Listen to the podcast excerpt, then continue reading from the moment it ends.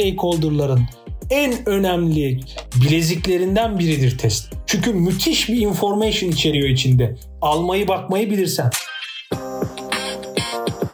Life is a test. Every human is a tester. Yani you need to know it diyorum yani. Bunu bilmeniz lazım.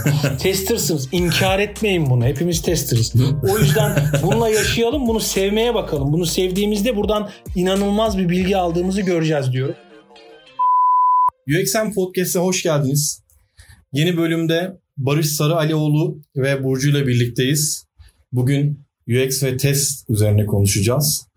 Ee, konuğumu sizlerle tanıştırmadan önce ekipten e, Burcu da bugün benimle birlikte. Burcu hoş geldin. Hoş bulduk selamlar. Nasılsın iyi misin? İyiyim Ümit sen nasılsın? Teşekkür ederim.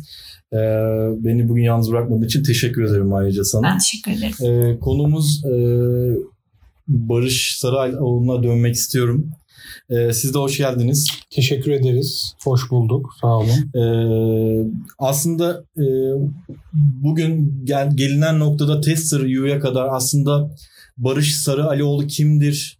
Ee, UX'e nasıl bulaşmıştır? Ee, yani yıllardır e, bu piyasada olduğunuzu ben biliyorum. Hatta e, yanlış hatırlamıyorsam ya 2014 ya da 2015 yılında e, sizden de bir mobil e, kullanıcı deneyimi üzerine bir e, bir iki günlük bir e, sizin eğitiminize katılmıştım. Bayağı da keyifli ve güzel geçmişti. Teşekkür ederiz. O açıdan da ben de güzel e, anılar bıraktığınızı söylemek isterim. E, biraz sizi e, tanımak istiyorum. E, biraz e, dinleyicilerimize kendinizden bahsedip daha sonra bu tester you sürecine kadar olan e, kısımda nasıl bir kariyer süreci e, yaşadınız biraz bahseder misiniz? Ee, öncelikle davet için teşekkür ederim. Beni davet ettiğiniz için. Ee, kanalı inceleme fırsatım da oldu sizin davetinizden sonra.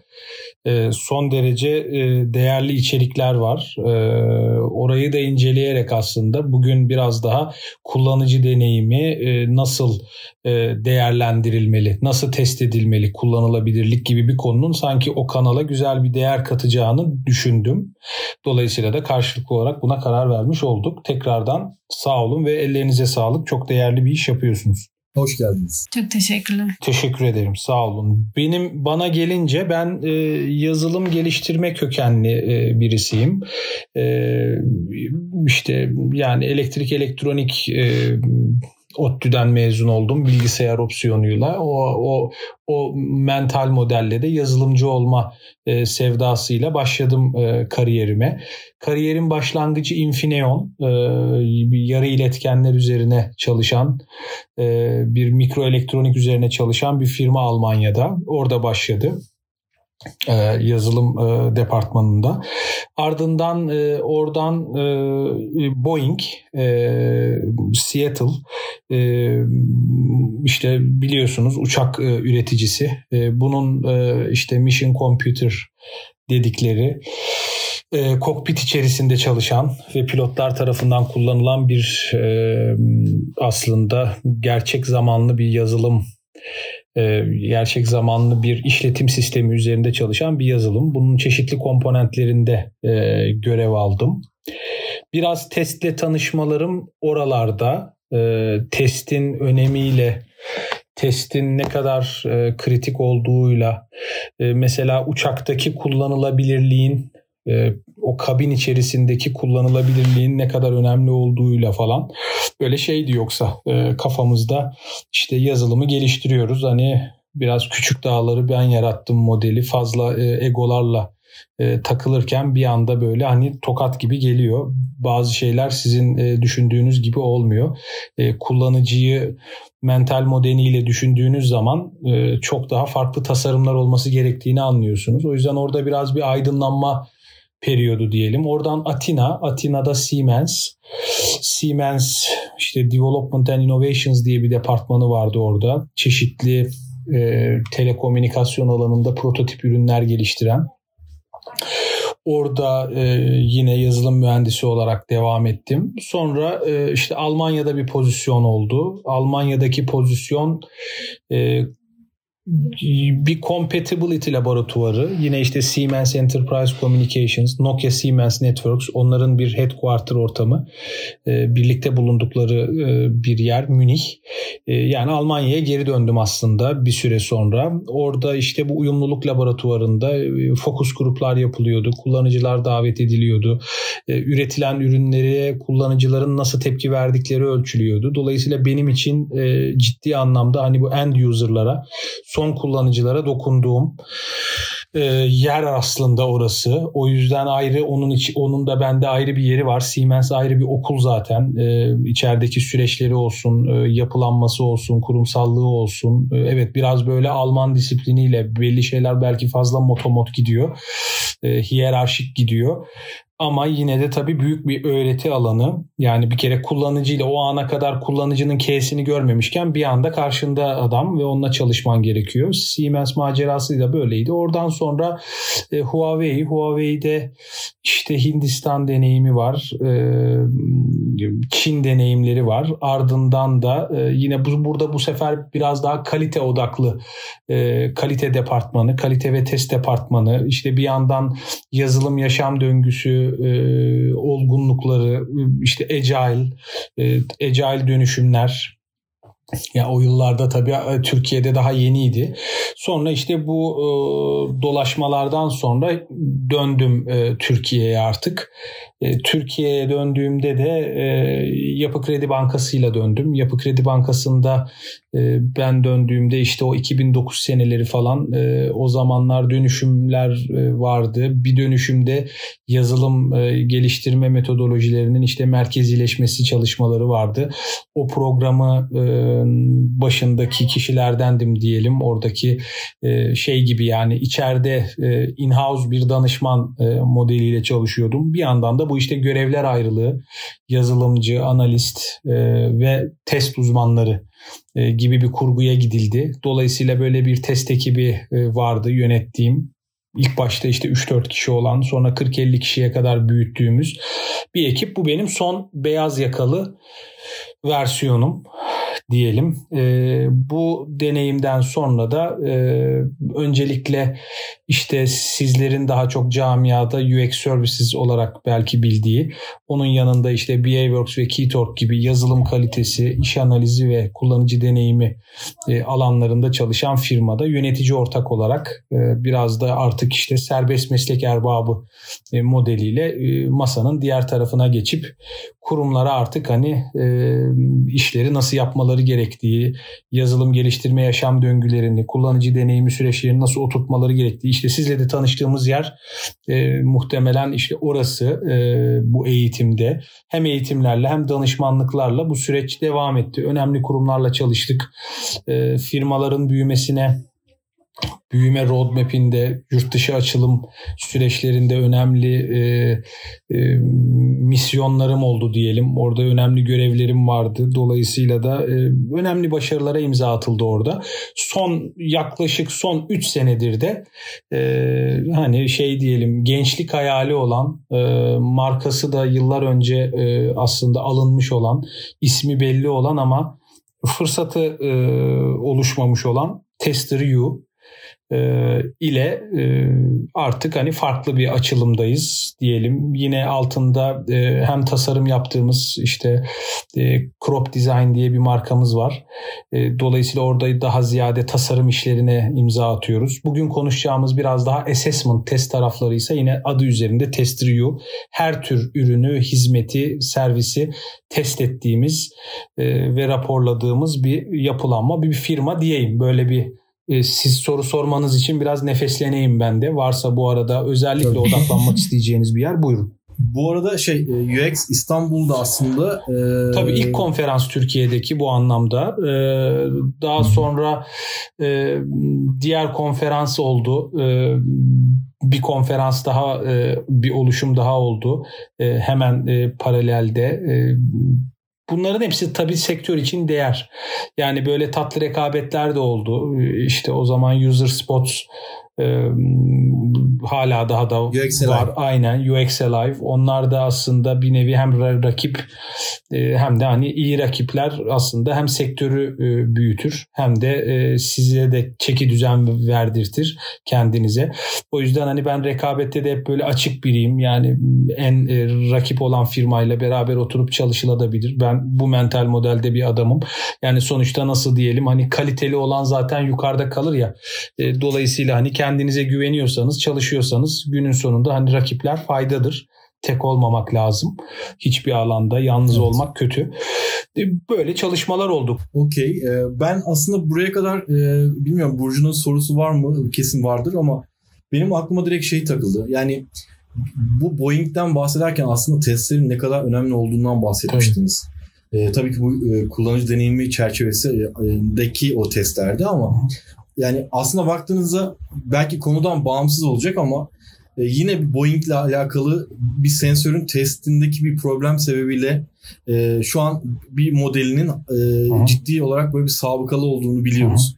E, yani aslında baktığımızda testin ne kadar önemli olduğunu yani bu hangi alanı için olursa olsun ne kadar önemli olduğunu e, hayati olduğunu aslında gösteriyor. E, yani her ne kadar kullanıcı deneyimi tarafındaki o testler bu kadar hani şey gibi e, durmasa bile aslında e, bir müşteri kaybetmeye değer baktığınızda yani yani tam buna karşılık geliyor olabilir. Sonuçta müşteri yoksa e, şirket de yok demektir. Bununla alakalı e, aslında e, konuyu evirmeye çalıştığımız yerde aslında UX ve testin e, aslında çok da böyle bilinmeyen yönlerini sizden böyle öğrenmek istiyoruz. Çok güzel. Burcu senin eklemek istediğin bir şey var mı? Ee, ben şeyi merak ediyorum aslında. Ee, Tester U UX kapsamında ne gibi e, hizmetler veriyor ve işte kullandığınız bir e, testçi havuzu ya da kullanıcı havuzunuz var mı?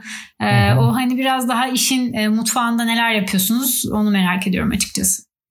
Şimdi iki tane konu vardı. Birisi Ümit Bey'in mevzusu. Biri de sizin konunuz. E, sırayla gitmem gerekirse Ümit Bey'in konusu işte e, şimdi uçakta e, evet testler çok önemli. Bir uçak bugün baktığınızda günümüz uçakları belki 15 yıllık bir teknolojiyle uçuyorlar havada.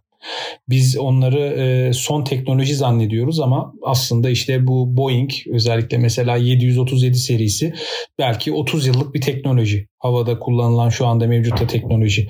Yani güvenilirliğin, reliability'nin ne kadar önemli olduğunu anlayın buradan. Yani şu anda mevcutta şey gibi hani böyle bir agile süreçle yönetelim alalım iki haftalık sprintle uçağa bir şey ekleyelim continuous integration falan e, pek işlemiyor e, havacılık sektöründe. Bir yeni bir teknolojiyi belki 5 yıl 10 yıl test etmeniz lazım ve gerçekten güvenilir olduğunu anlamadan da o uçağın içerisindeki bir civatayı bile değiştirmeniz mümkün değil. O yüzden zaten hani uçaklar dünyadaki en reliable, en güvenilir e, taşımacılık cihazları olarak, şey, araçları olarak adlediliyorlar. Sebebi bu. Ve bir uçaktaki bir kullanılabilirlik hatası da aslında ölümünüze sebebiyet verebilir. Yani dolayısıyla kullanılabilirlik dediğimiz kokpitteki herhangi bir kontrolün e, kullanılabilir olmaması ya da yani işte ease of use ya da işte understandable, learnable dediğimiz yani kolay anlaşılması, kolay opere edilmesi konularındaki bir zafiyet uçağı düşürtür size. O yüzden e, aslına bakarsanız kullanılabilirlik hatası da uçakta da yine fatal boyutlarda olur. Bu da önemli dediğiniz gibi sizin de. Aynı zamanda diğer taraftan ikinci soruya gelecek olursam şimdi tester you felsefesi şu bakın adı şuradan geliyor. Hani tester you size diyorum aslında tester diye. Tester sizsiniz diyorum. Böyle bir motto var benim e, ürettiğim bir şey diyelim. Hani atasözü olmasını şey yapıyoruz, e, ümit ediyoruz gelecek nesillere. Şey diyorum ben, life is a test, every human is a tester diyorum. Yani hayat aslında bir testtir. Her insanda e, bir ölçekte testçidir aslına bakıldığında. Yani insanın genetik koduna işlenmiştir test yapmak. Ne bileyim işte e, çayın demi oldu mu diye kontrol etmek, kapı kilitlendi mi diye bakmak, e, ne bileyim işte su sıcak mı diye e, önceden bir parmağını daldırmak yani hayat boyu sınavlara girmek çıkmak yani zaten hayatın kendi test bizler de natürel yani şey gibi bu emme içgüdüsü gibi nasıl çocuklara emmeyi öğretmeyiz. Test de aslında insanın doğal kodu. O yüzden her insanda testçi diyorum. Hatta ta diyorum bu iş e, ilk test Adem'le Havva'ya kadar gider diyorum. Yani işte cennette e, elmayı yemeyeceksiniz e, deniyor ya. E, yukarıdaki öyle diyor. E, onlar da ilk yani requirement bu. First requirement diyebiliriz buna da dünyadaki. E, dolayısıyla elmayı yemeyin. Yerseniz e, sıkıntı olur. Onlar da hani onu e, sağlamasını yapıyorlar. Yiyince ne olur diye. E, ilk test pes ediyor yani böylece. Sonunda da cennetten dışarı çıkıyorlar. Bakıldığında hakikaten de e, yani o zamandan beri e, testler önemli. Tester temel felsefemiz de bu. Yani ürün ne olursa olsun, hizmet ne olursa olsun bunu test etmek gerekir.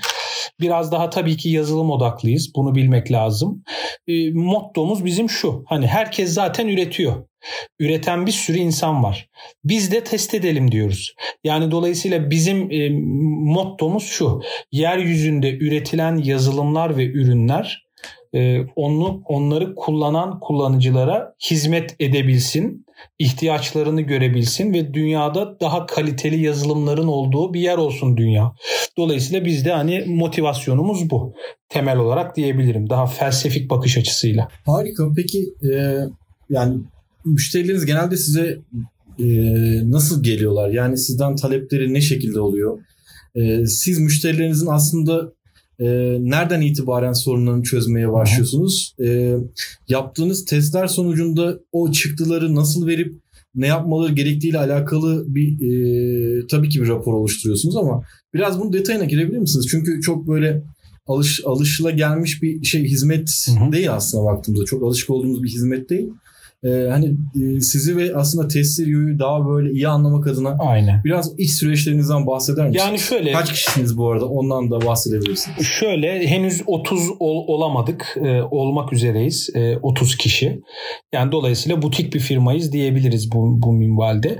Ha böyle yani yüzlerce kişi olma hedefimiz var mı diye sorarsanız öyle bir hedefimiz de yok. Amacımız hani biz e, test alanında know-how'ı en yüksek firma olalım. Bunun bunu olmak için de hani firmanın büyüklüğünün binlerce kişi olmasına gerek yok. Hani know-how biraz elle tutulamayan bir şey.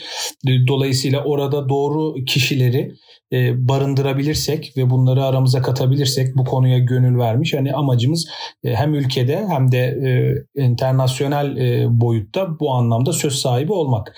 Bize firmalar e, çok değişik şekillerle geliyorlar. A tipi firma ürünüm var, müşterim mutsuz ee, ve ben bunu iyi bir ürün olmadığını biliyorum. Ya kısmi olarak tekrar tasarlayacağım ya da tamamen bunu e, çöpe atıp yenisini yapacağım diye gelen bir müşteri tipi var mesela. E, ne yapalım? E, yapacağımız şey belli. Test edeceğiz. Yani bu doktora gitmek gibi hani ağrım var beni düzelt e, ağrın var ama yani aspirin verip gönderemem seni. Öncelikle tahlil yapmam lazım doğru muyum? Yani MR'ı çekelim, tomografiyi alalım, işte röntgeni çekelim. Dolayısıyla neden ne, neden kaynaklanıyor? Bunun kök sebebini bulalım. E, bizim temel motivasyonumuz bu yani iyileştirmeye giden tekrar tasarıma giden yolda testin önemi çok büyük. Yani dolayısıyla çoğu firma bakıyorsunuz tasarım firması ama test uzuvları zayıf. Yani test yapamayan bir firma nasıl yeniden tasarlayacak? Bu bizim için büyük bir soru işareti. Dolayısıyla biz oradaki o test partisi olmaktan memnunuz. Yani insanlar şunu diyorlar bize. Hani işte tasarlayacak bir firma geldi. Bize bir takım skeçlerle geldiler. E, ama yani bunun temeli neye oturmalı? Bunun temeli bir kere mevcuttaki acıyı net olarak görmeye. Bir de bir üründe salt yanlışlar da yoktur bir yandan. Testler aynı zamanda testin iki perspektifi vardır. Bir, size ürünün zayıf yanlarını, iyileşmeye açık alanlarını gösterir. İki, ürünün güçlü yanlarını da gösterir size. Neleri iyi yaptığınızı da tespit edersiniz bu çalışmada eğer odaklanırsanız. Ki bunları yeniden tasarlama yolunda bunlardan feragat etmeyin diye. İyi yaptığınız şeylerin farkında olun ve bunları bir sonraki tasarıma taşıyabilin diye. Yani temel olarak bize gelen ilk müşteri tipi bu. Ee, farklı müşteri tipleri var. Biri de şey diyor. E, bize içeride birileri lazım diyor. böyle hani short term bir danışmanlık değil de diyor motivasyonumuz. Bize içeride sürekli bizle olacak ve bizim ürünlerimizi farklı perspektiflerle test edecek insanlar lazım diyor. Biz burada yine seçiciyiz yani. Açıkçası biz de müşteri seçtiğimizi söyleyeyim size. Yani böyle hakikaten bu işi e, disipliner bir şekilde yapmak isteyen firmalarla çalışıyoruz. O yüzden de yani böyle herkesle çalışalım motivasyonumuz yok. Öyle firmalar var e, biraz. Yani her yerde olalım, çok büyüyelim, e, sert eselim diyen. Biz biraz o anlamda seçiciyiz. Yani biz katma değer üretebileceğimize inanıyorsak, müşteri de onu almaya hazırsa orada var oluyoruz. Dolayısıyla bir müşteri tipi de bu. Yani bu anlamda insan kaynağı alıp e, o know-how'la birlikte bizden gelecek know-how'la e, işini çözmek isteyen bir grubu testi hiç bilmiyorum bize öğretin e, diyor. Süreçleri kurun, organizasyon modelini kurun. Dolayısıyla bize süreçleri, standartları, şablonları, tool'ları öğretin ve biz kendimiz balık tutabilelim. Yani gelip bize tutup balığı masamıza koymayın. Biz nasıl tutacağız onu bize gösterin diyen bir grup var. Dolayısıyla yani böyle çok farklı e, şekillerde bize geliyorlar diyelim özetle. Biz de hani memnuniyetle e, çalışmak istiyoruz tabii firmalarla. Peki peki şey sorayım yani genelde size bir dijital ürünle mi geliyorlar Hı-hı. yoksa ürün olmak zorunda değil. Yani değil. organizasyondaki bir problem olabilir, bir servis tasarımı problemi Birebir. olabilir ya da aslında bir servis tasarımı vardır ama o insanlar bunun müşterileriniz yani bunun bir servis tasarımı adı altında olduğunu bilmiyor olabilirler. Çok güzel. Ee, bir süreçlerle alakalı bir problem olabilir. Yani genelde böyle aklınıza takılan yani şöyle bir, bir müşterin bile geldi dediğiniz bir şey var mı?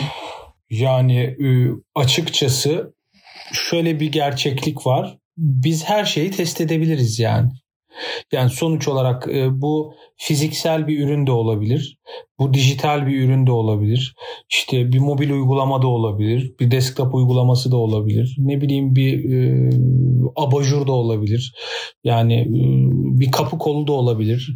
E, dediğiniz gibi bir hizmet ya da işte bir servis ya da bir e, firma içerisindeki bir süreç de olabilir. Yani dolayısıyla ya işte insan kaynakları sürecimizi iyileştireceğiz. E peki o zaman onu SS etmek lazım.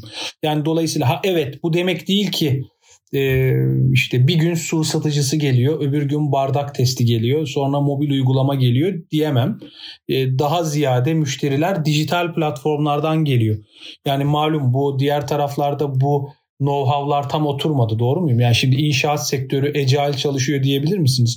Bu bu sektörler e, biraz daha doğru muyum ya da işte ziraat e, tarım sektöründe işte ne bileyim DevOps falan e, ya da işte design thinking in işte e, tarım e, kredi kooperatifi falan.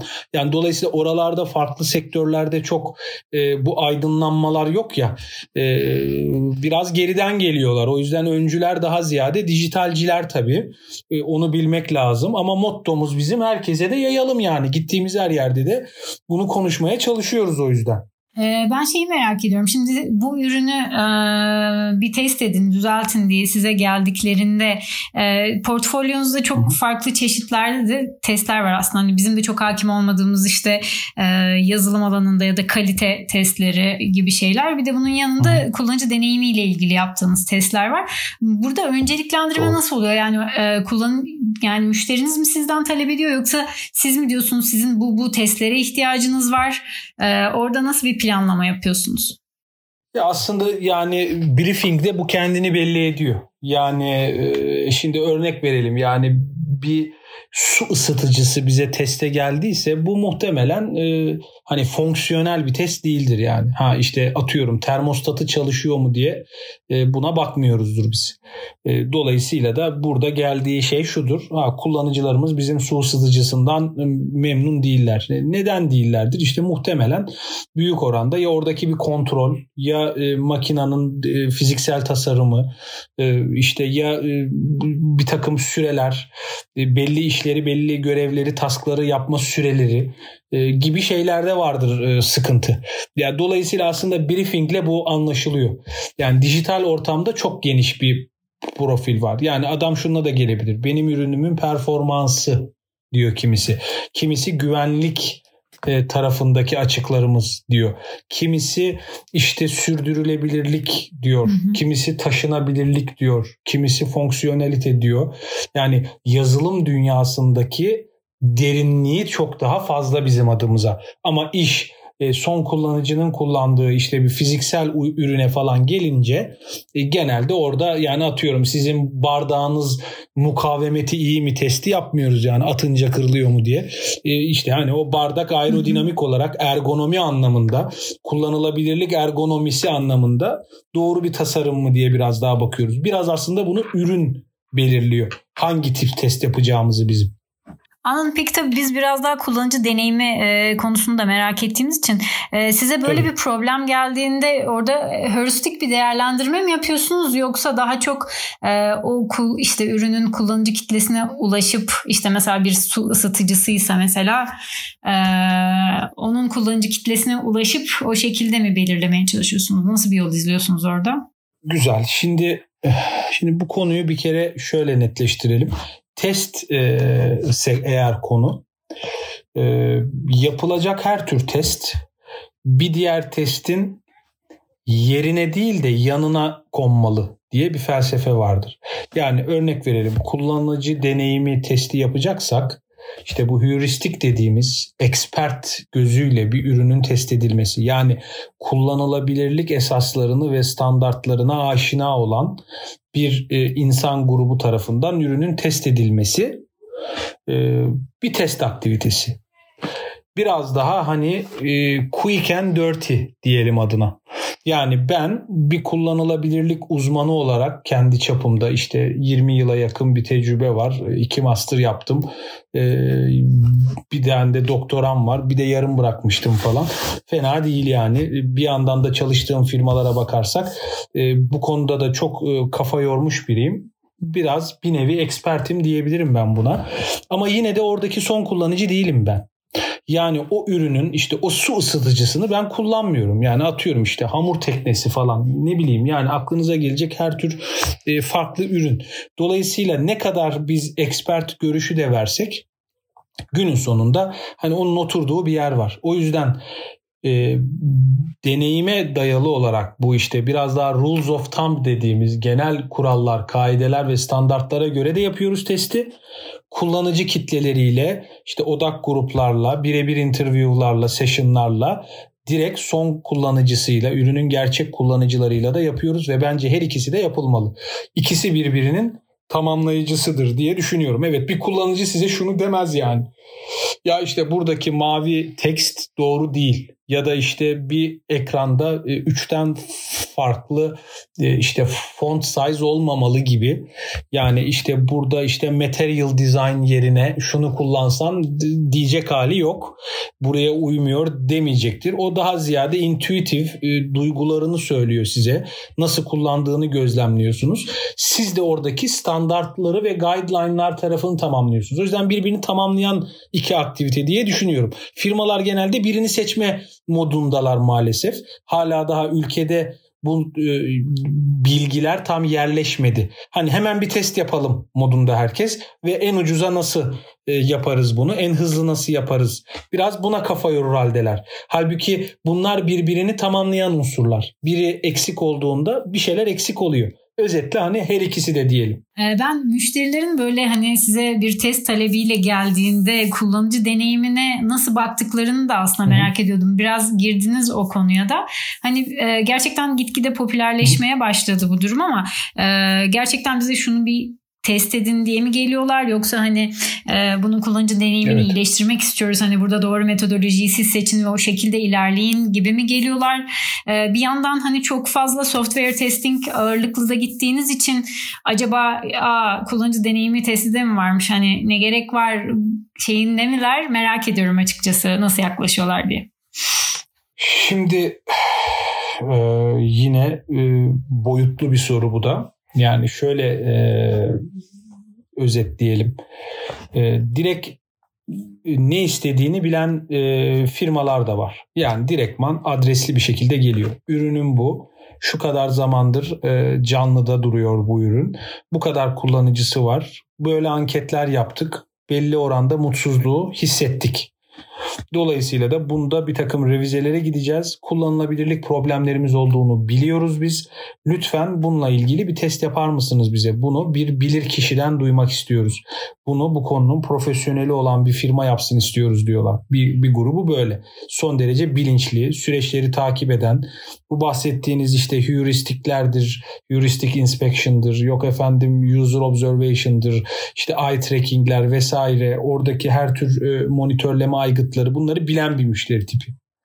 E, biraz azınlık. Yani %15-20'lerde e, diyelim. Bir diğer grubu e, ürünümüz var. E, biraz daha kullanılabilirlik testi yapacağız ama nasıl yapıyorsunuz? Duyalım da bir ona göre karar verelim diyen. Genelde %50'den fazlalık kesim bu. Yani bir dinleyelim bakalım. Bir de bütçeyi söylerseniz kabaca fiyatını ona göre de karar verelim diyen. Kararsız yatırım yapacak ama tam kararı yok. Konuyla interested ama konuda da expert değil. Çok e, know-how'u yok. Senden duyup ona göre karar vermek isteyen. Diğer bir grubu da var ki yani test edeceğiz e, abi e, moduyla gelip biraz daha hani kullanılabilirlik testi diye bir şey olduğunu toplantıda duyan e, grup diyelim. Aa öyle mi? O nasıl bir test? Kim kullanıyor bunu falan filan gibi zor e, dediğimiz bir kesim.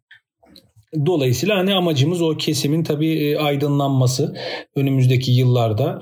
E, bunun için çalışıyoruz yani. işte gelip buradaki sizin podcast'i dinlesin mesela insanlar. Güzel güzel. Herkes biraz gidip araştırma yapsın bu podcast'i dinledikten sonra. Bir şeyler aydınlansın kafalarında. Daha e, işlerini iyi yapan insanlar olsun ortalıkta. Size de o yüzden diyorum ya ulvi bir hedef var burada. Bence değerli yani yaptığınız şey helal olsun. Diyeceğim bu. Çok sağ olun. Teşekkür ederim. Ee, Burcu eklemek istediğin bir şey var mı? Yoksa ben organizasyonel yapıyı aslında biraz merak ediyorum. Ben de var bambaşka mı? bir soru soracağım ama hani senin sorularından sonra da sorabilirim. Okey ben sorayım ondan sonra sen onu sor. Ee, tamam. Ee, ben şeyi merak ediyorum e, Barış Bey. Yani Olur. size mesela müşteriniz geldiğinde yani çok bana açıkçası böyle bir şey geliyor. Yani böyle nasıl diyeyim e, metodları böyle sanki zor e, atıyorum herhangi bir işte agile vesaire böyle bir şeye de oturmayan bir iş hizmeti veriyor musunuz gibi geliyor. Yani size bir iş geldiğinde bu 30 kişi içerisinde nasıl bir planlama, nasıl bir e, projelendirme içerisinde girip o, o pro, problemi aslında o çöz şeye çözüme nasıl ulaşıyorsunuz? Yani e, şirket içerisinde işte o iş title'ları vesaireler falan nasıl açıkçası çok e, hani şu an merak ediyorum. Ya şimdi şöyle söyleyelim. Bizim işimiz test. E, dolayısıyla bizim e, personele de şöyle bakmamız lazım firmadaki personele. Herkesin e, sokak ağzıyla İsviçre çakısı gibi olması lazım. Yani yok abicim ben sadece kağıt keserim. Ben de gazoz kapağı açarım. Ben de işte duvar delerim olmuyor. Yani dolayısıyla evet belli uzmanlıklar var. Yani öyle bir profil var ki güvenlik testleri konusunda uzman. Öyle birkaç e, yani öyle bir ekibimiz var ki kullanılabilirlik, kullanıcı deneyiminde oryantasyonu yüksek. Ama bu insanların hepsinde genel test konseptleri ve teste bütünleşik bakmalarını da istiyoruz ve hatta kendi disiplinleri dışında da işlere veriyoruz onlara. O yüzden bizim organizasyon son derece yalın, e, hiyerarşiler son derece minimal yani e, sizdeki e, şey gibi, sizin headline gibi. Dolayısıyla yani biz de minimalistiz, sadeyiz. Yani zaten 30 kişilik yerde işte e, e, patron, işte yardımcı genel müdür öyle şeyler oluyor ya işte CEO yani toplam işte e, herifler bizden de ufak yani biz yine çok küçük değiliz atıyorum 7 kişilik firmada genel müdür, genel müdür yardımcıları, yönetim kurulu başkanı falan oluyor ya bunlar böyle biraz e, gülünç gelir bana. Adam işte yönetim kurulu başkanı orada işte test yapıyor falan. Yani dolayısıyla işte biraz böyle e, title savaşları mutlu olmak istiyoruz. Title'larımızla mutluluk arıyoruz kendimize. Biz öyle bir modumuz değil. Biz biz adımız üzerimizde yani bizim. Tester'ız biz. Herkes tester bizde. O yüzden yani yok sen paşasın, ağasın, işte kıdemli kıdemsiz, e, deneyimsiz, sıfır kilometre işte patron, lider direktör böyle bir kurgu yok. Yalın bir yapı var, deneyimler var. Her e, kişinin çok ağır olduğu bir alan var ama diğer alanlarda da hepsinin iyi olduğunu biliriz. Dolayısıyla bütün o eğitim tarzımız, formatımız bu. Orada kim e, uygun o projeye seçiyoruz, bir takım kuruyoruz ve onunla da ilerliyoruz. Ha bu arada biz de işin içindeyiz. Yani o testlerde ben de bir fiil varım. Biz orada olmasak zaten yani mesela ben e, bu firmadaki e, en kıdemli kişi olarak diyelim. Yani düşünsenize izinleri e, tasdikleyip e, herhalde finansallara bakardım sadece. Hani böyle şey modeli yani e, e, devlet memuru gibi. Dolayısıyla biz zaten o işi yapmasak herhalde eğitimini de veremeyiz. E, personeli de yönetemeyiz. O işleri de alamayız. Yani dolayısıyla böyle şeyler oluyor ya gidiyorsunuz siz işi satıyorsunuz. Mesela ben girerim bir toplantıya. E, firmalar davet eder konuşuyoruz. E, adam şey diyor günün sonunda yani peki diyor yani siz muhtemelen gelmeyeceksiniz ama kim gelecek? Yo diyorum yani ben geleceğim. Niye gelmeyeyim? Hani bakıyor böyle herhalde bu gelmez diyor bu adam. Ee, birilerini yollar falan filan diyor. Yo yani biz de geliyoruz. Gelmemiz de lazım. O yüzden böyle gayet e, komple, kolaboratif, yalın bir organizasyonuz kabaca. Harika. Burcu ben e, şey sorusunu soracağım da acaba seninki daha mı alakalı olur bir e, ben söyleyeyim. Ben şey bu e, kullanıcı testleri ve etik üzerine aslında biraz işte e, test edilen kişi yani, e, izlendiğinden haberi Güzel. olması gerekir mi gibi bir soru soracağım. Eğer seninki şeyse e, onu sor sor sor. Yok sen devam et. Tamam sordum. Ee, biz genelde bunu da merak ediyoruz ve bazı yerlerde de çok denk geliyorum. Yani kişi test edildiğini e, bilmeli mi? Eğer bunun farkına varırsa e, doğru bir test e, sonucu elde edilir mi gibi aslında bir ufak bir sorun var. Çok güzel. Şimdi düşünsenize hiçbir şeyin farkında olmasa en natürel habitat ama bu etik değil. Bence hani yasal da değil. E, neye inanıyorsanız günah da aynı zamanda. Yani dolayısıyla işte inancınız her neyse pek çok buna e, apolet takabiliriz. Okey. Yani evet çok natürel. Verdim eline bir cihazı. Hiçbir şeyin farkında değil. Her şeyi capture ettik. En natürel hali. Hatta ek olarak şunu da e, sorayım. E, çok özür dilerim. Estağfurullah. E, mesela bazı tool'lar var. İşte isim vermeyeyim. Aynen. E, onlardan böyle e, farklı farklı kullanıcıların hangi işlemleri yaptığının video kayıtlarını vesairelerini falan alıp izleyebiliyorsunuz. Yani bunlar etik çok güzel, çok aslında güzel, sormak çok güzel. istiyorum. Güzel bir yani hiç böyle bir soru almamıştım. Öncelikle tebrik ediyorum. Ee, e, tarzınızdan ötürü sizi. Güzel bir soru bu bence. Çok değerli. Niye insanlar bana bunu sormuyor bilmiyorum. Yani bence sorulması lazım. Habire şey soruyorlar. İşte eye tracking, yok göz izleme, yok şu sensör, yok bunu record ediyor musunuz? Peki işin etik saydı yani bu bence çok önemli bir konu. Yani dolayısıyla e, bu testlerde benim yorumumca evet natürellikten götürse dahi bir kere e, bir bilgilendirme yapılması lazım. Yani dolayısıyla kullanıcının bir hani recruitment dediğimiz user recruitment dediğimiz bir faz var. Bildiğiniz bayağı hani bir çalışanı işe alırken ki etik safhalar neyse bir teste gelecek bir kullanıcıdaki bütün safhalarda o kadar disipliner olmalı, açık şeffaf olmalı. Yani işte merhaba sizi davet ediyoruz. Ürünümüz bu. Bu arada önemli söylediğimiz e, şeylerden biri şu. Sizi değil ürünü test ediyoruz diyoruz. Bakın bu önemli. Yani biz sizi test etmiyoruz. Yani ne kadar dummy bir kullanıcı olduğunuzla çıkmayacağız testten. Yani evet tespit ettik siz gerçekten e, sıkıntılı bir kullanıcısınız demeyeceğiz. tespit ettik. Ürün gerçekten iyi bir tasarıma sahip değil diyeceğiz günün sonunda. Hani insanlar sonunda ben işte akıllı mı çıkacağım, aptal mı çıkacağım gibi bakıyorlar çünkü yüzünüze. E, doğal da yani insanlar bununla yaşamıyor siz biz gibi. Bizlerin meslekleri bu. Ama adam ilk defa böyle bir şeye davet aldığında aa beni kim test ediyor, kim izliyor, nerelere gidecek kayıtlar falan. Dolayısıyla işte hangi kayıtları alıyoruz, ne kadar alacağız, kimle paylaşılacak, ismi verilecek mi, verilmeyecek mi gibi verileri paylaşıyoruz. Mümkün mertebe burada anonim kalması, isimlerin anonim kalması. Yani e, hani bazen bizde o yüz ifadeleri önemlidir. Yani gönül ister ki hani adamın yüzü olmasın mesela o video record'da ama o yüzünde pek çok şeyi anlatıyor ya ürünün kullanılabilirliği ile ilgili.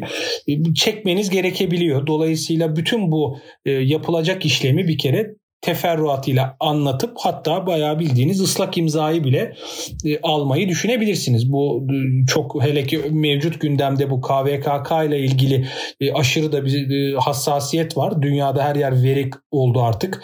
Nereden ne verip pörtlüyor bilmiyoruz ve onları kontrol etmediğimiz için bir süre sonra da başımıza bela gelecek. Dolayısıyla da bu belaların gelmemesi adına da bu çalışma bence bu soru burada çok kritik. Yani burada çok hassas olmak lazım. Dediğim gibi yani ürünün SS edildiğini, test edildiğinin altını çizmek ve yapılacak bütün aktiviteleri söylemek. Ha bu arada bu dediğinizde tam e, güzel bir nokta. Yani birilerini bir odaya sokalım, bütün cihazlarla donatalım etrafı e, benim sevdiğim bir metot değil. Bu hani kullanılabilirlik testi yapan firmaların böyle övündükleri bir şeydir ya biraz. Ya işte labımız var. Her yerde işte e, high definition kameralar var. İşte koltukta sensörünüz var. Yok efendim baktığın her yeri alıyorum. Arka tarafta bir odada birileri oturuyor ama haberin yok falan. E şimdi bunları da demen lazım doğru muyum? Yani arkada birileri izliyorsa da adama demelisin oraya soktuğun adama o odacığa soktuğun insana bunu. Yine burada da e, etik bir taraf var. E, dolayısıyla da bu şey yani, yani hiç natürel olduğunu düşünmüyorum. Hele bir de bu işte yok EEG e, cihazı elektroensefalografi beyin e, sensör dalgalarla işte beyindeki e, aslında manyetik alan üzerinden e, hissiyatı alıyoruz. Yani kişinin o an ne düşündüğüyle ilgili daha fazla done. Ya ama sonuç olarak ne kadar burada cihazla örtersek bu şeyi o kadar altında aradığımız gerçeklik e, örtülü kalıyor bence. Orada bir doğal habitat olma imkanı var mı? Üzerinden kablolar fışkıran bir eye tracking gözlüğü bu arada hani böyle demode teknolojileri de hala daha da aa işte harika bir gözlüğümüz var baktığınız ya, ya herif gözlük takmıyor normalde. Adamın öyle bir setup'ı yok şimdi. Kafaya onu task taktın. Ta, kaskı da taktın. Task'ta da şey diyorsun adama. Lütfen natürel davranın. Yani e, oda da böyle 5 metrekare e, boğulacak herif resmen orada. E şimdi burada zaten e, olayı bitirdiniz başlamadan. Burada bir test yapmak mümkün değil. O yüzden bana sorarsanız e, in the wild testingciyim ben. Yani her insanı kendi habitatında observe edelim. Observe ederken de mümkün mertebe çıplak elle e, edelim. Yani gözle tuttuğumuz notla etmeye çalışalım. Evet, istatistiki bilgiler girmek lazım. Time on task, işte false click, mouse mileage, Yok işte ekranda nereye baktı? Heat map. İşte yok gaze plot. Hangi sırada baktı falan. Evet bunlar testin belki kalitesini arttırıyor ama bir yandan da natürelliğini düşürüyor. O yüzden yani hayatta her şey dengedir ya abartmamak lazım. İşte cihazlar e, çıktı mertlik bozuldu olmamalı. Bir sürü cihaz çıktık hani şey modunda olmamalı firmalar. Ulan hani bu teknoloji var nasıl kullanırız hani bu? İlla da kullanmak zorunda değilsin bir teknolojiyi. Yani biraz da hani doğallığın verdiği sana insani güçlerini kullanabilirsin bu testlerde. Bu kadar da dijitalliğin şeyi olmayalım. Esiri. Durum bu. Evet harika. Ben de şeyi merak ediyorum hani bazı şirketlerde kullanıcı ekipleri aslında biraz daha böyle keşfe dayalı araştırmalar da yapıyor. Aslında hiç başlamamış bir tasarımı briefini oluşturacak bulgular Doğru. elde ediyor. Sizin bununla yönelik çalışmalarınız var mı? Tabii yani işte hani e, zemin araştırması dediğimiz kullanıcı deneyimindeki strateji katmanındaki e, konular. Yani strateji dediğimiz yani bir kullanıcı deneyimi tasarlayacağınız zaman aslında ilk madde şu. Biz bir business olarak ne hedefliyoruz? Karşımızdaki kullanıcı ya da müşteri kitlesinin ihtiyacı ne? bu iki konuya da çalışıp bunların bir e, iz düşümünü almak lazım. Yani bizim mottomuz bu. Heriflerin de mottosu buysa hani ve bunlar da başka yöne bakıyorsa burada doğru bir ürün çıkma imkanı çok zor. Yani bana sorarsanız mesela habire soruyorlar işte inovatif ürün nasıl olur? Neye inovatif deriz? Yani inovatif ürün müşteri ihtiyacını anladığınız zaman üretilebilir ancak ve ancak. Yani şu dünyada bugüne kadar ki en önemli inovasyonları size sorayım. Bir sürü şey diyeceksiniz. İnternet, yok efendim telefon, elektrik, işte araba bir sürü şey diyebilirsiniz. Akıllı telefon falan filan. Tamamında müşteri e, whatever aynen tamamında müşteri ihtiyacını e, özümsemek vardır bir kere. Yani bu inovasyonu yapan insanların ve kurumların tamamında gerçekten ciddi anlamda user research, customer research, benim kitlem kim, ihtiyacı ne, segmentasyonu nasıl, kendi içinde hangi profilleri var, bu insanların mental modeli ne, neye göre ürün seçiyorlar, neye göre kullanıyorlar, davranış modelleri nasıla kafa yorup sonra olabilecek bir şey inovasyon bence. Hani böyle Steve Jobs diyor ya bazen böyle bir ihtiyaç yoktu ben yarattım falan gibi ya da biz yarattık gibi biraz gergin lafları var rahmetlinin. Dolayısıyla şey bir e, olay olduğunu düşünüyorum. Ee, inovasyon ihtiyaçtan tetiklenebilir ancak. İhtiyaç olmayan bir şey inovatif bence olamaz. Hepsinin kökünde bir ihtiyaç vardır. E, aslında bu soruyu sormamın sebebi de bir yandan şuydu. Ee, hani gerçekten bu zamanda böyle meslekler ve işler birbiriyle kesişmeye başlıyor ve e, mesela evet. hani bu e, bu tarz çalışmalar mesela iş analistliğiyle, iş analiziyle biraz kesişiyor mu? Evet. Hani siz nasıl bakıyorsunuz? Aradaki fark ne ya da benzerlikler Tabii, yani işte ne? Strateji analizi. İşte iş analizinin ilk e, yani ilk adımlarından biri strateji analizi dediğimiz konu. Yani e, problemi tanımlayın dediğimiz bir aktivite. Hani biz hep böyle kafamızda problemi anlamadan bir çözüm üretmek vardır ya. Türk insanında da duplik yani double'dır bu genetik faktör. Yani bir şey anlatırken sözünü kesip dur dur anladım şunu istiyorsun sen. Ya dur ana bir anlatalım yani bir dinle. E, ondan sonra yok ben anladım seni tamam deriz ya biz vardır bizde o delilik. Ama Einstein diyor ya 60 dakikam olsa pro 55 dakikayla problemi anlamak isterdim diyor. 5 dakikada çözerim onu zaten doğru anlarsam. Bizde tam tersi problemi anlamayalım sonsuza kadar çözüme e, kafa yoralım modu var. E, e, talebi yapan adamda bile problemi düşünmüyor adam. Talebini çözümle anlatıyor. Bak şöyle bir şey bana lazım. Ya bırak öyle bir şey. Sen derdini bana bir anlatsana. Belki de bir şey lazım değil sana hiç. Belki sadece telkin lazım sana. Biraz sırtını belki sıvazlasak geçecek. Ama yok. Hani illa bir şey vardır yani. Bir elle tutulur bir şey olmak zorunda anlatırken. O yüzden analizle tabii kesişiyor. İşte psikolojiyle. Ben yıllar önce Hollanda'ya gittim. Bir UX firmasına e, böyle e, şey friendly visit diyelim. Böyle dostlarımız var. E, Global Network. Tabii adamlar bizden daha öndeler. Yani bunda net olmak lazım. Hollanda bu anlamda bizden daha fazla mürekkep yalamış ve bu yollardan bu çarklardan daha çok geçmiş. O zamanlar yine biz artistik patinajdayız böyle teknoloji insanıyım ben e, kopuk biriyim modunda. Dedi ki mesela kaç psikolog var sizde demişti bana. Böyle kendi kendime diyorum ki ulan diyorum hani psikolog işte gelecek de burada yani ne yapacak psikolog falan filan. Şey gibi yani ÖSS'den e, kaçıncı oldu falan modeli böyle takılıyoruz ama e, alakası yok. Yani çok da önemli. Sonuçta hani burada insan davranışını e, irdelemiyor muyuz biz?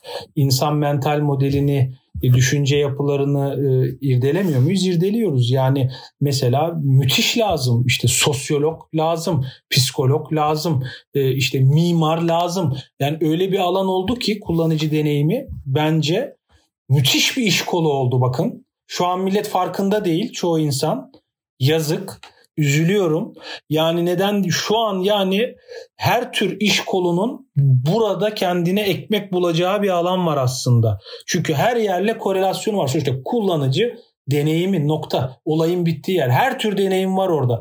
Dolayısıyla her tür zanaate orada yer var ve her tür zanaatin de ayrı bir perspektif kattığı bir ortamdayız. Yani müthiş bir alanda çalışıyoruz. O yüzden çok değerli bence. Globalde müşterileriniz var mı? Onlarla nasıl e, işte e, işi yürütüyorsunuz? Zaten hani okey belli metotlar vesaireleri sadece e, anladığım kadarıyla muhtemelen remote e, halletmeye çalışıyorsunuz gibi hissediyorum. Ve gittiğiniz oldu mu? Tabii. Yerinde çözmeniz gereken durumlar oldu mu? Ee, bir sorum daha olacak bundan sonra. Buyurun. Şimdi biz e, kurduğumuz andan itibaren globalle oynuyoruz. Firmayı kurduğumuz günden itibaren. Kafamızdaki hayali e, yaşamaya başladığımızda işte ben e, Amerika'daydım o zaman. o hayal yeşermeye başladığında hep o günden beri uluslararası bir firma olması vardı bunun. Bugün de öyle. Yani dolayısıyla işte web sitemize de geldiğinizde ana dili ilk dili İngilizce. Sonra Türkçe seçebiliyorsunuz. E, işte e, sosyal kanallarımıza baktığınız zaman e, daha ziyade biraz daha İngilizce içerikler de var. Yani hedefimiz tamamen böyle lokalize olmak değil. E, o yüzden globale oynamak var hedefimizde. Şu anda da e, dolayısıyla böyle yakından başlayalım. İşte Bulgaristan, Yunanistan. Şu anda birer tane projemiz var Bulgaristan'da ve Yunanistan'da. Oradan içeriye doğru devam edelim. Ee, işte Almanya'da var yaptığımız bir proje. Ee, Hollanda ile çok sık çalışıyoruz. Ee, işte Portekiz'le e, sürekli çalışıyoruz. İşte Arap Emirlikleri ile e, şimdi son günlerde biraz belki şey oldu ama işte Suudi Arabistan yani dolayısıyla baktığınız zaman bu bu region'da e, Fas yani çok böyle ilginç yerlerde işte Azerbaycan, Türkiye devletler. O yüzden böyle irili ufaklı bize çok fazla talep geliyor. Yani bizim mesela firmanın followerlarına bakın çok önemli bir Hindistan follower kitlemiz var bizim e, değişik bir şekilde. Orayla da hem partnerlıklarımız var Hindistan'la hem benim e, bizzat sık gittiğim geldiğim bir yerdi. E, genel olarak biz e, yani şey diyelim e, toplam gelirin e, yüzde 40'a yakını ihracat diyelim. Yani yüzde 40'a yakını yurt dışı projelerimizden geliyor diyelim. Bunların bir kısmı eğitim, e, daha büyük bir kısmı ise danışmanlıklar. Pandemi diye bir milestone var hepimizin hayatında değil mi? Sizde de var, bende de var, bizde de var. Dolayısıyla pandemiden sonra tabii çok acayip bir hal aldı. Kimse hiçbir yere gidemediği için e, yani uzaklar yakın oldu diyelim. Yani dolayısıyla insanların kafasındaki tabular yıkıldı ve yani a bu işi Türkler yapsın. Ha bu firma Türk ya siz Türk müsüydünüz falan. Yani bilmiyorum bu küçültme unsuru olarak mı kullanılıyor? Evet yani Türküz. Çok da güzel bir şey. Yani dolayısıyla gururluyuz da bundan. Hani dolay yani hani yerli bir e, kurguyuz. Burada yeşermiş ama hani global network'ü olan dışarıda da e, setupları ve şubeleri olan şu anda ve pandemide de hepten e, taleplerin arttığı bir yapıdayız. Çok fazla e, alır haldeyiz. İnsanlar da rahatlayınca artık atıyorum işte Alman e, bu adam gelip burada mı bu hizmeti verecek derken şimdi şak diye bize e, dijital anlamda brief'i verip hizmetini alıyor. O yüzden de çok da bu anlamda da faydasını gördük demem lazım e, pandeminin boost etti bizi yani diyebilirim.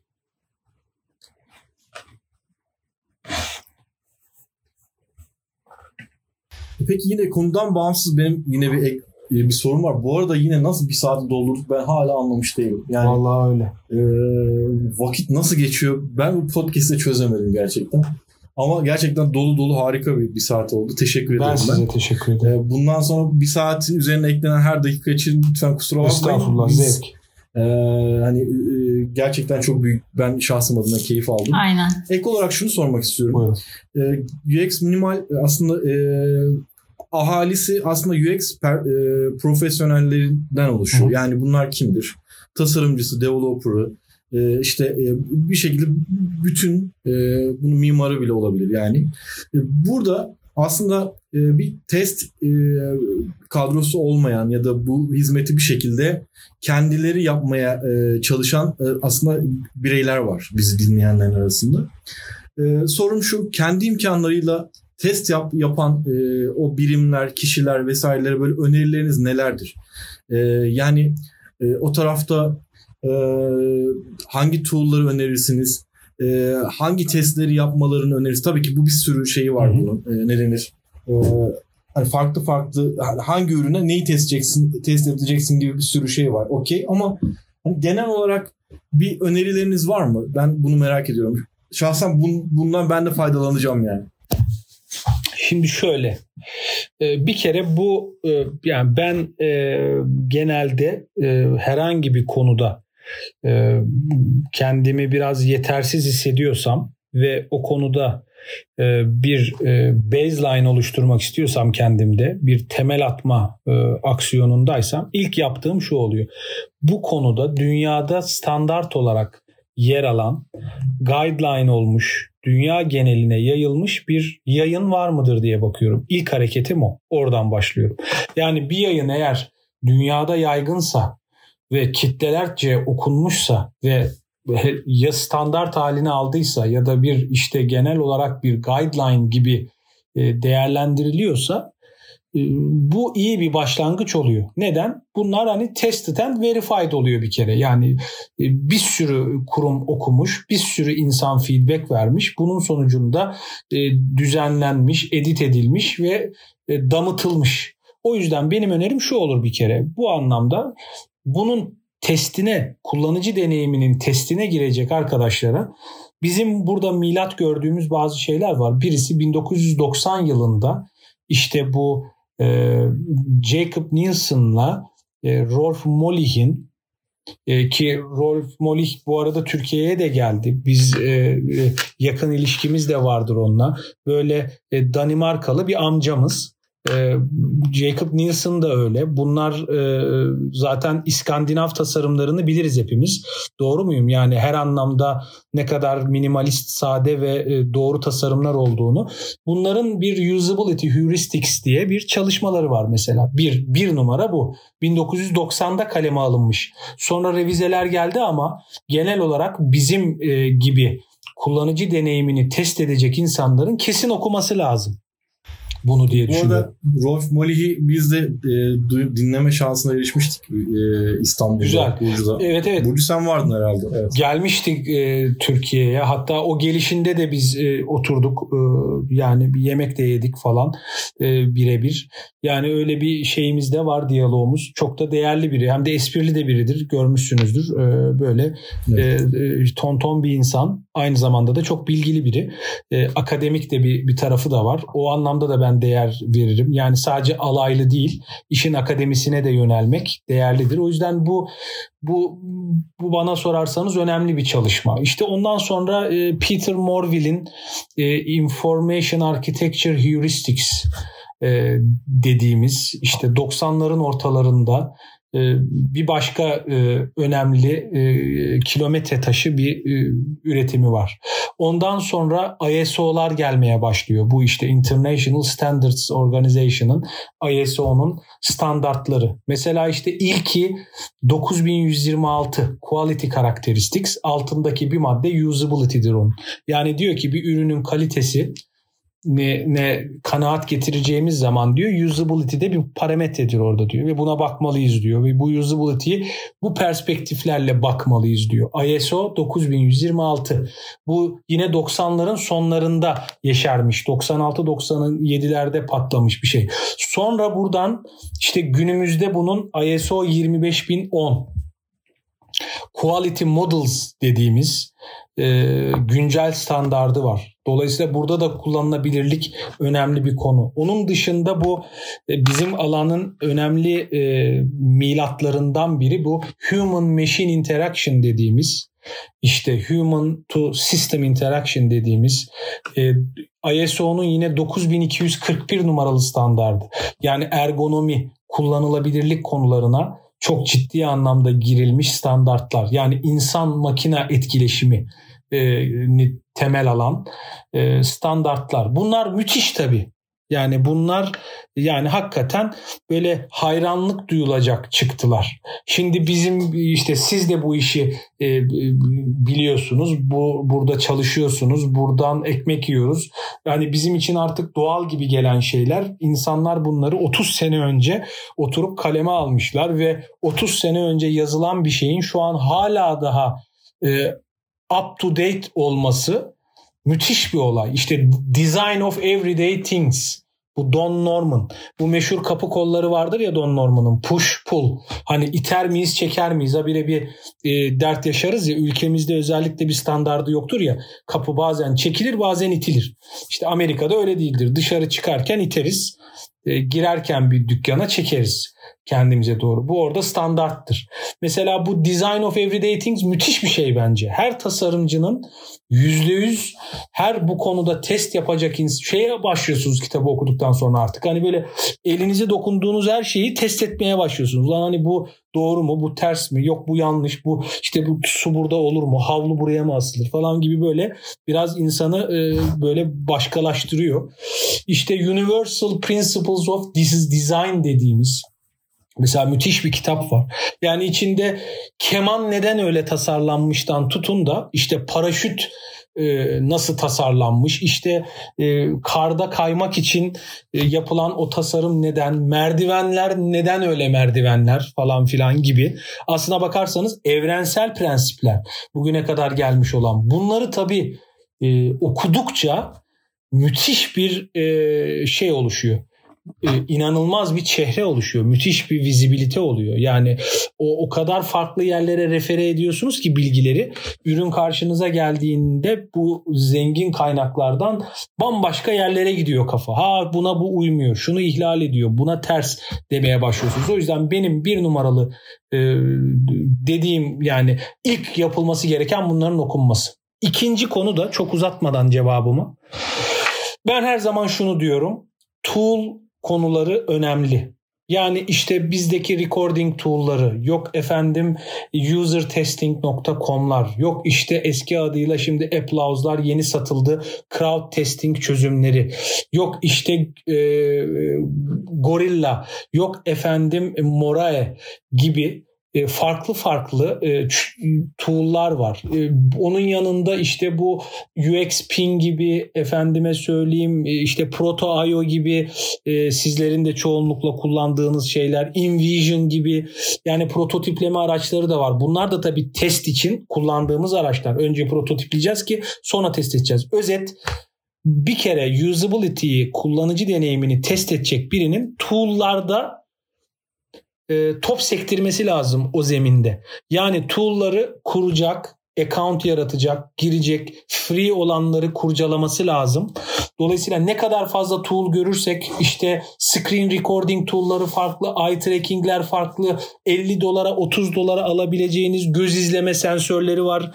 İşte atıyorum iPhone'a alttan Lightning porttan takılan bir göz izleme sensörü var. İşte her tür ekrana koyacağınız basit e, işte bu heat map generator'lar var. Yani inanılmaz derecede e, engin bir ortam var. Bunları almak, vermek parayı işte uğraşmak lazım bunlarla özetle. Nasıl screen record ederim mesela? Screen recorder'lar, e, uzaktan remote test tool'ları. Yani herhalde bunu sabaha kadar anlatabilirim. O yüzden şey yapmayayım sizi. Ama özetle birinci konu bu global standards. İkinci konu da tool'larla haşır neşir olup sürekli kullanmaya çalışmak diyelim özetle. Okey. Son olarak bir soru daha yine sormak istiyorum e, izninizle. Estağfurullah buyurun. E, bu son sorum olacak. Sonra kapanışa doğru Tabii e, geçeceğiz. Şimdi e, yapılan test sonucunda elde edilen e, data hı hı. E, sizce nasıl depolanmalı gibi bir şey sormak Güzel. istiyorum. Çünkü yani 5 sene önce depoladığımız e, aynı testle alakalı konu 5 e, sene sonra farklı bir yere evrilebilir mi? E, bunları taglemeli miyiz? Ya da nasıl işte yani taze ya da bayat olduğu gibi bir şeyleri belli etmemiz gerekir mi gibi e, yani şimdi her tür metrik bu şimdi bak bakın e, biz normalde testi anlatırken şunu diyoruz yani insanlara bunu anlatırız yani. Bu biraz kitabi bir bilgi. Yani you need to quantify testing diyoruz. Yani e, kuantize etmelisin bir nicelik olarak testi belirtebilmelisin diyoruz yani test içinde rakamların metriklerin olduğu ve bunlarla açıklanabilen bir aktivite olmalı. Nokta. Yani metriksiz bir test hayal etmeyiz biz. Bu kullanıcıya 4 tane görev verdik. 4. Bu görevlerin birincisi 1 dakika 20 saniye, ikincisi 2 dakika 30 saniye, saniyeler, dakikalar. Bunlarda toplam bu kadar klik, bu kadar toplam false click, bu kadar işte mouse cursor hareketi, böyle bir ekranda bakış seti. Bunlar bakın metrik tarafı. Yani raporda bu testin raporunda bir metrikler olmalı. İki, sadece metrikler de yetmez. Bir de emotion olmalı içinde. Usability test diğerlerinden şöyle ayrılıyor, ayrılıyor. Kullanıcı deneyimi testinde duygular vardır, içgüdüler vardır, mental modeller vardır ve rakamla ifade edilemeyen bir parametre de vardır orada. Yani kullanıcı şunu der size beğenmedim. Beğenmemek Hani hemen kuantify edemiyorsunuz onu. Kaçlık beğenmedin? 10 üzerinden kaç beğenmedin diyemiyorsun. Hani böyle manyaklaşırsan metrikleşmeye şey gibi seni seviyorum. Ne kadar seviyorsun? 10 üzerinden kaç seviyorsun? Yani işte şimdi böyle olduğu zaman çok mantıklı olmuyor. Her şey kuantify edilemiyor. Anlatabiliyor muyum? Duyguyla metriğin buluştuğu bir yer kullanı, kullanıcı deneyimi test raporları. Müthiş bir sanat. Yani o metriğin arasına öyle bir o emotion'ı mental modeli yerleştireceksin ki müthiş bir rapor olacak. Ondan sonra bence lifetime kullanılır o. O yüzden biz her zaman deriz bunlar store edilmeli. Tabii ki ilgili tarihe versiyona uygulamanın ya da ürünün ya da hizmetin o anki condition'ına göre tamamı müthiş referanstır. Firmaların en fazla zaten acı çektiği konu. Bakın yine bana güzel bir soru sordunuz. Bunların store edilmesi. Biz hep unutma geni var ya bizde.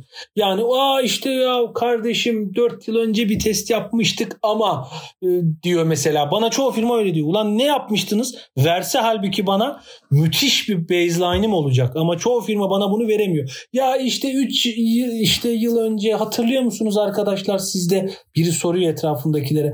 Ya işte şu firmaya bir çalışma konuşmaya dur bir baksanıza şu maillerinize. Ya böyle bir şey var mı? Sen buna zaman ayırdın, kafa patlattın. Evet hayat değişiyor. Belki 3 sene öncekiyle bambaşka bir kullanıcı deneyimi ve davranışı var bugün.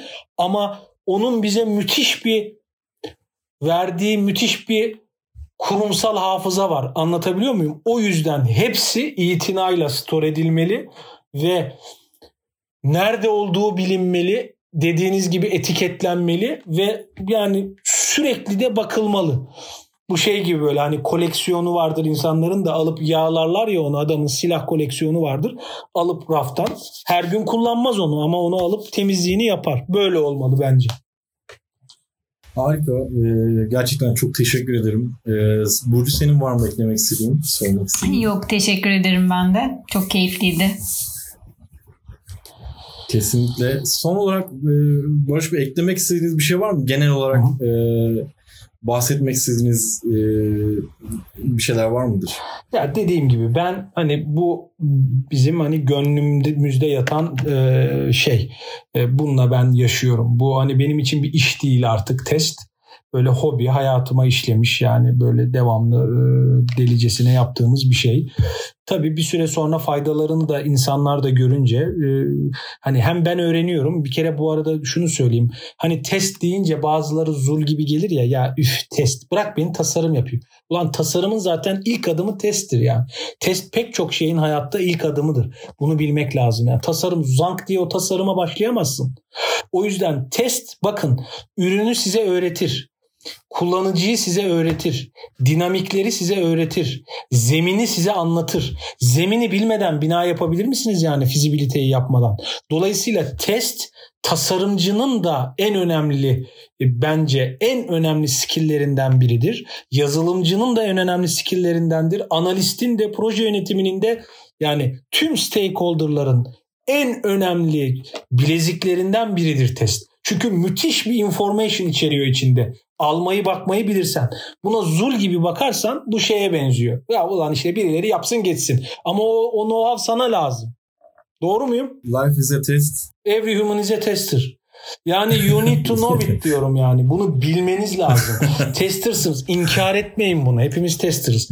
O yüzden bununla yaşayalım. Bunu sevmeye bakalım. Bunu sevdiğimizde buradan inanılmaz bir bilgi aldığımızı göreceğiz diyorum. Her şey için çok teşekkürler. Müthiş bir iş yapıyorsunuz. Başarılar. Süper olur inşallah her şey. Teşekkür ediyorum davet için tekrar. Biz teşekkür ederiz. Teşekkür ederiz. Ya biz hem hem e, community adına hem de gerçekten UX Mimar ekibi adına e, teşekkür ederiz. Gerçekten hani e, bu testle alakalı e, aslında bu konuları böyle ele alıyoruz ara ara e, ve e, aslında daha fazla da gündeme getirmemiz gerekiyor. Kesinlikle e, katılıyorum e, genel olarak e, söylediğiniz her şeye. E, davetimizi kırmayıp geldiğiniz için çok teşekkür her ederiz. Zaman. Bizi dinleyen e, dinleyicilerimize de çok teşekkür ederiz. Bu güzel e, podcast'i de e, sosyal medyalarınızdan aslında paylaşarak daha fazla insanın kulaklarına gitmesi için bize destek olabilirsiniz. Bizleri uxminimal.com üzerinden takip edebilirsiniz. Tüm sosyal medya linklerimiz burada mevcut. Gönüllü bir ekip olduğumuz için de ufak tefek giderlerimizle Patreon hesabımız üzerinden gelen bağışlarla sürdürüyoruz. E, bugün bizi dinlediğiniz için teşekkür ederiz. Gerçekten çok keyif aldık. Umarım siz de keyif almışsınızdır. E, iyi günler, hoşçakalın. Hoşçakalın arkadaşlar. Herkes test yapmaya devam etsin. Seviyorum sizi. Sevgiler. Hoşçakalın.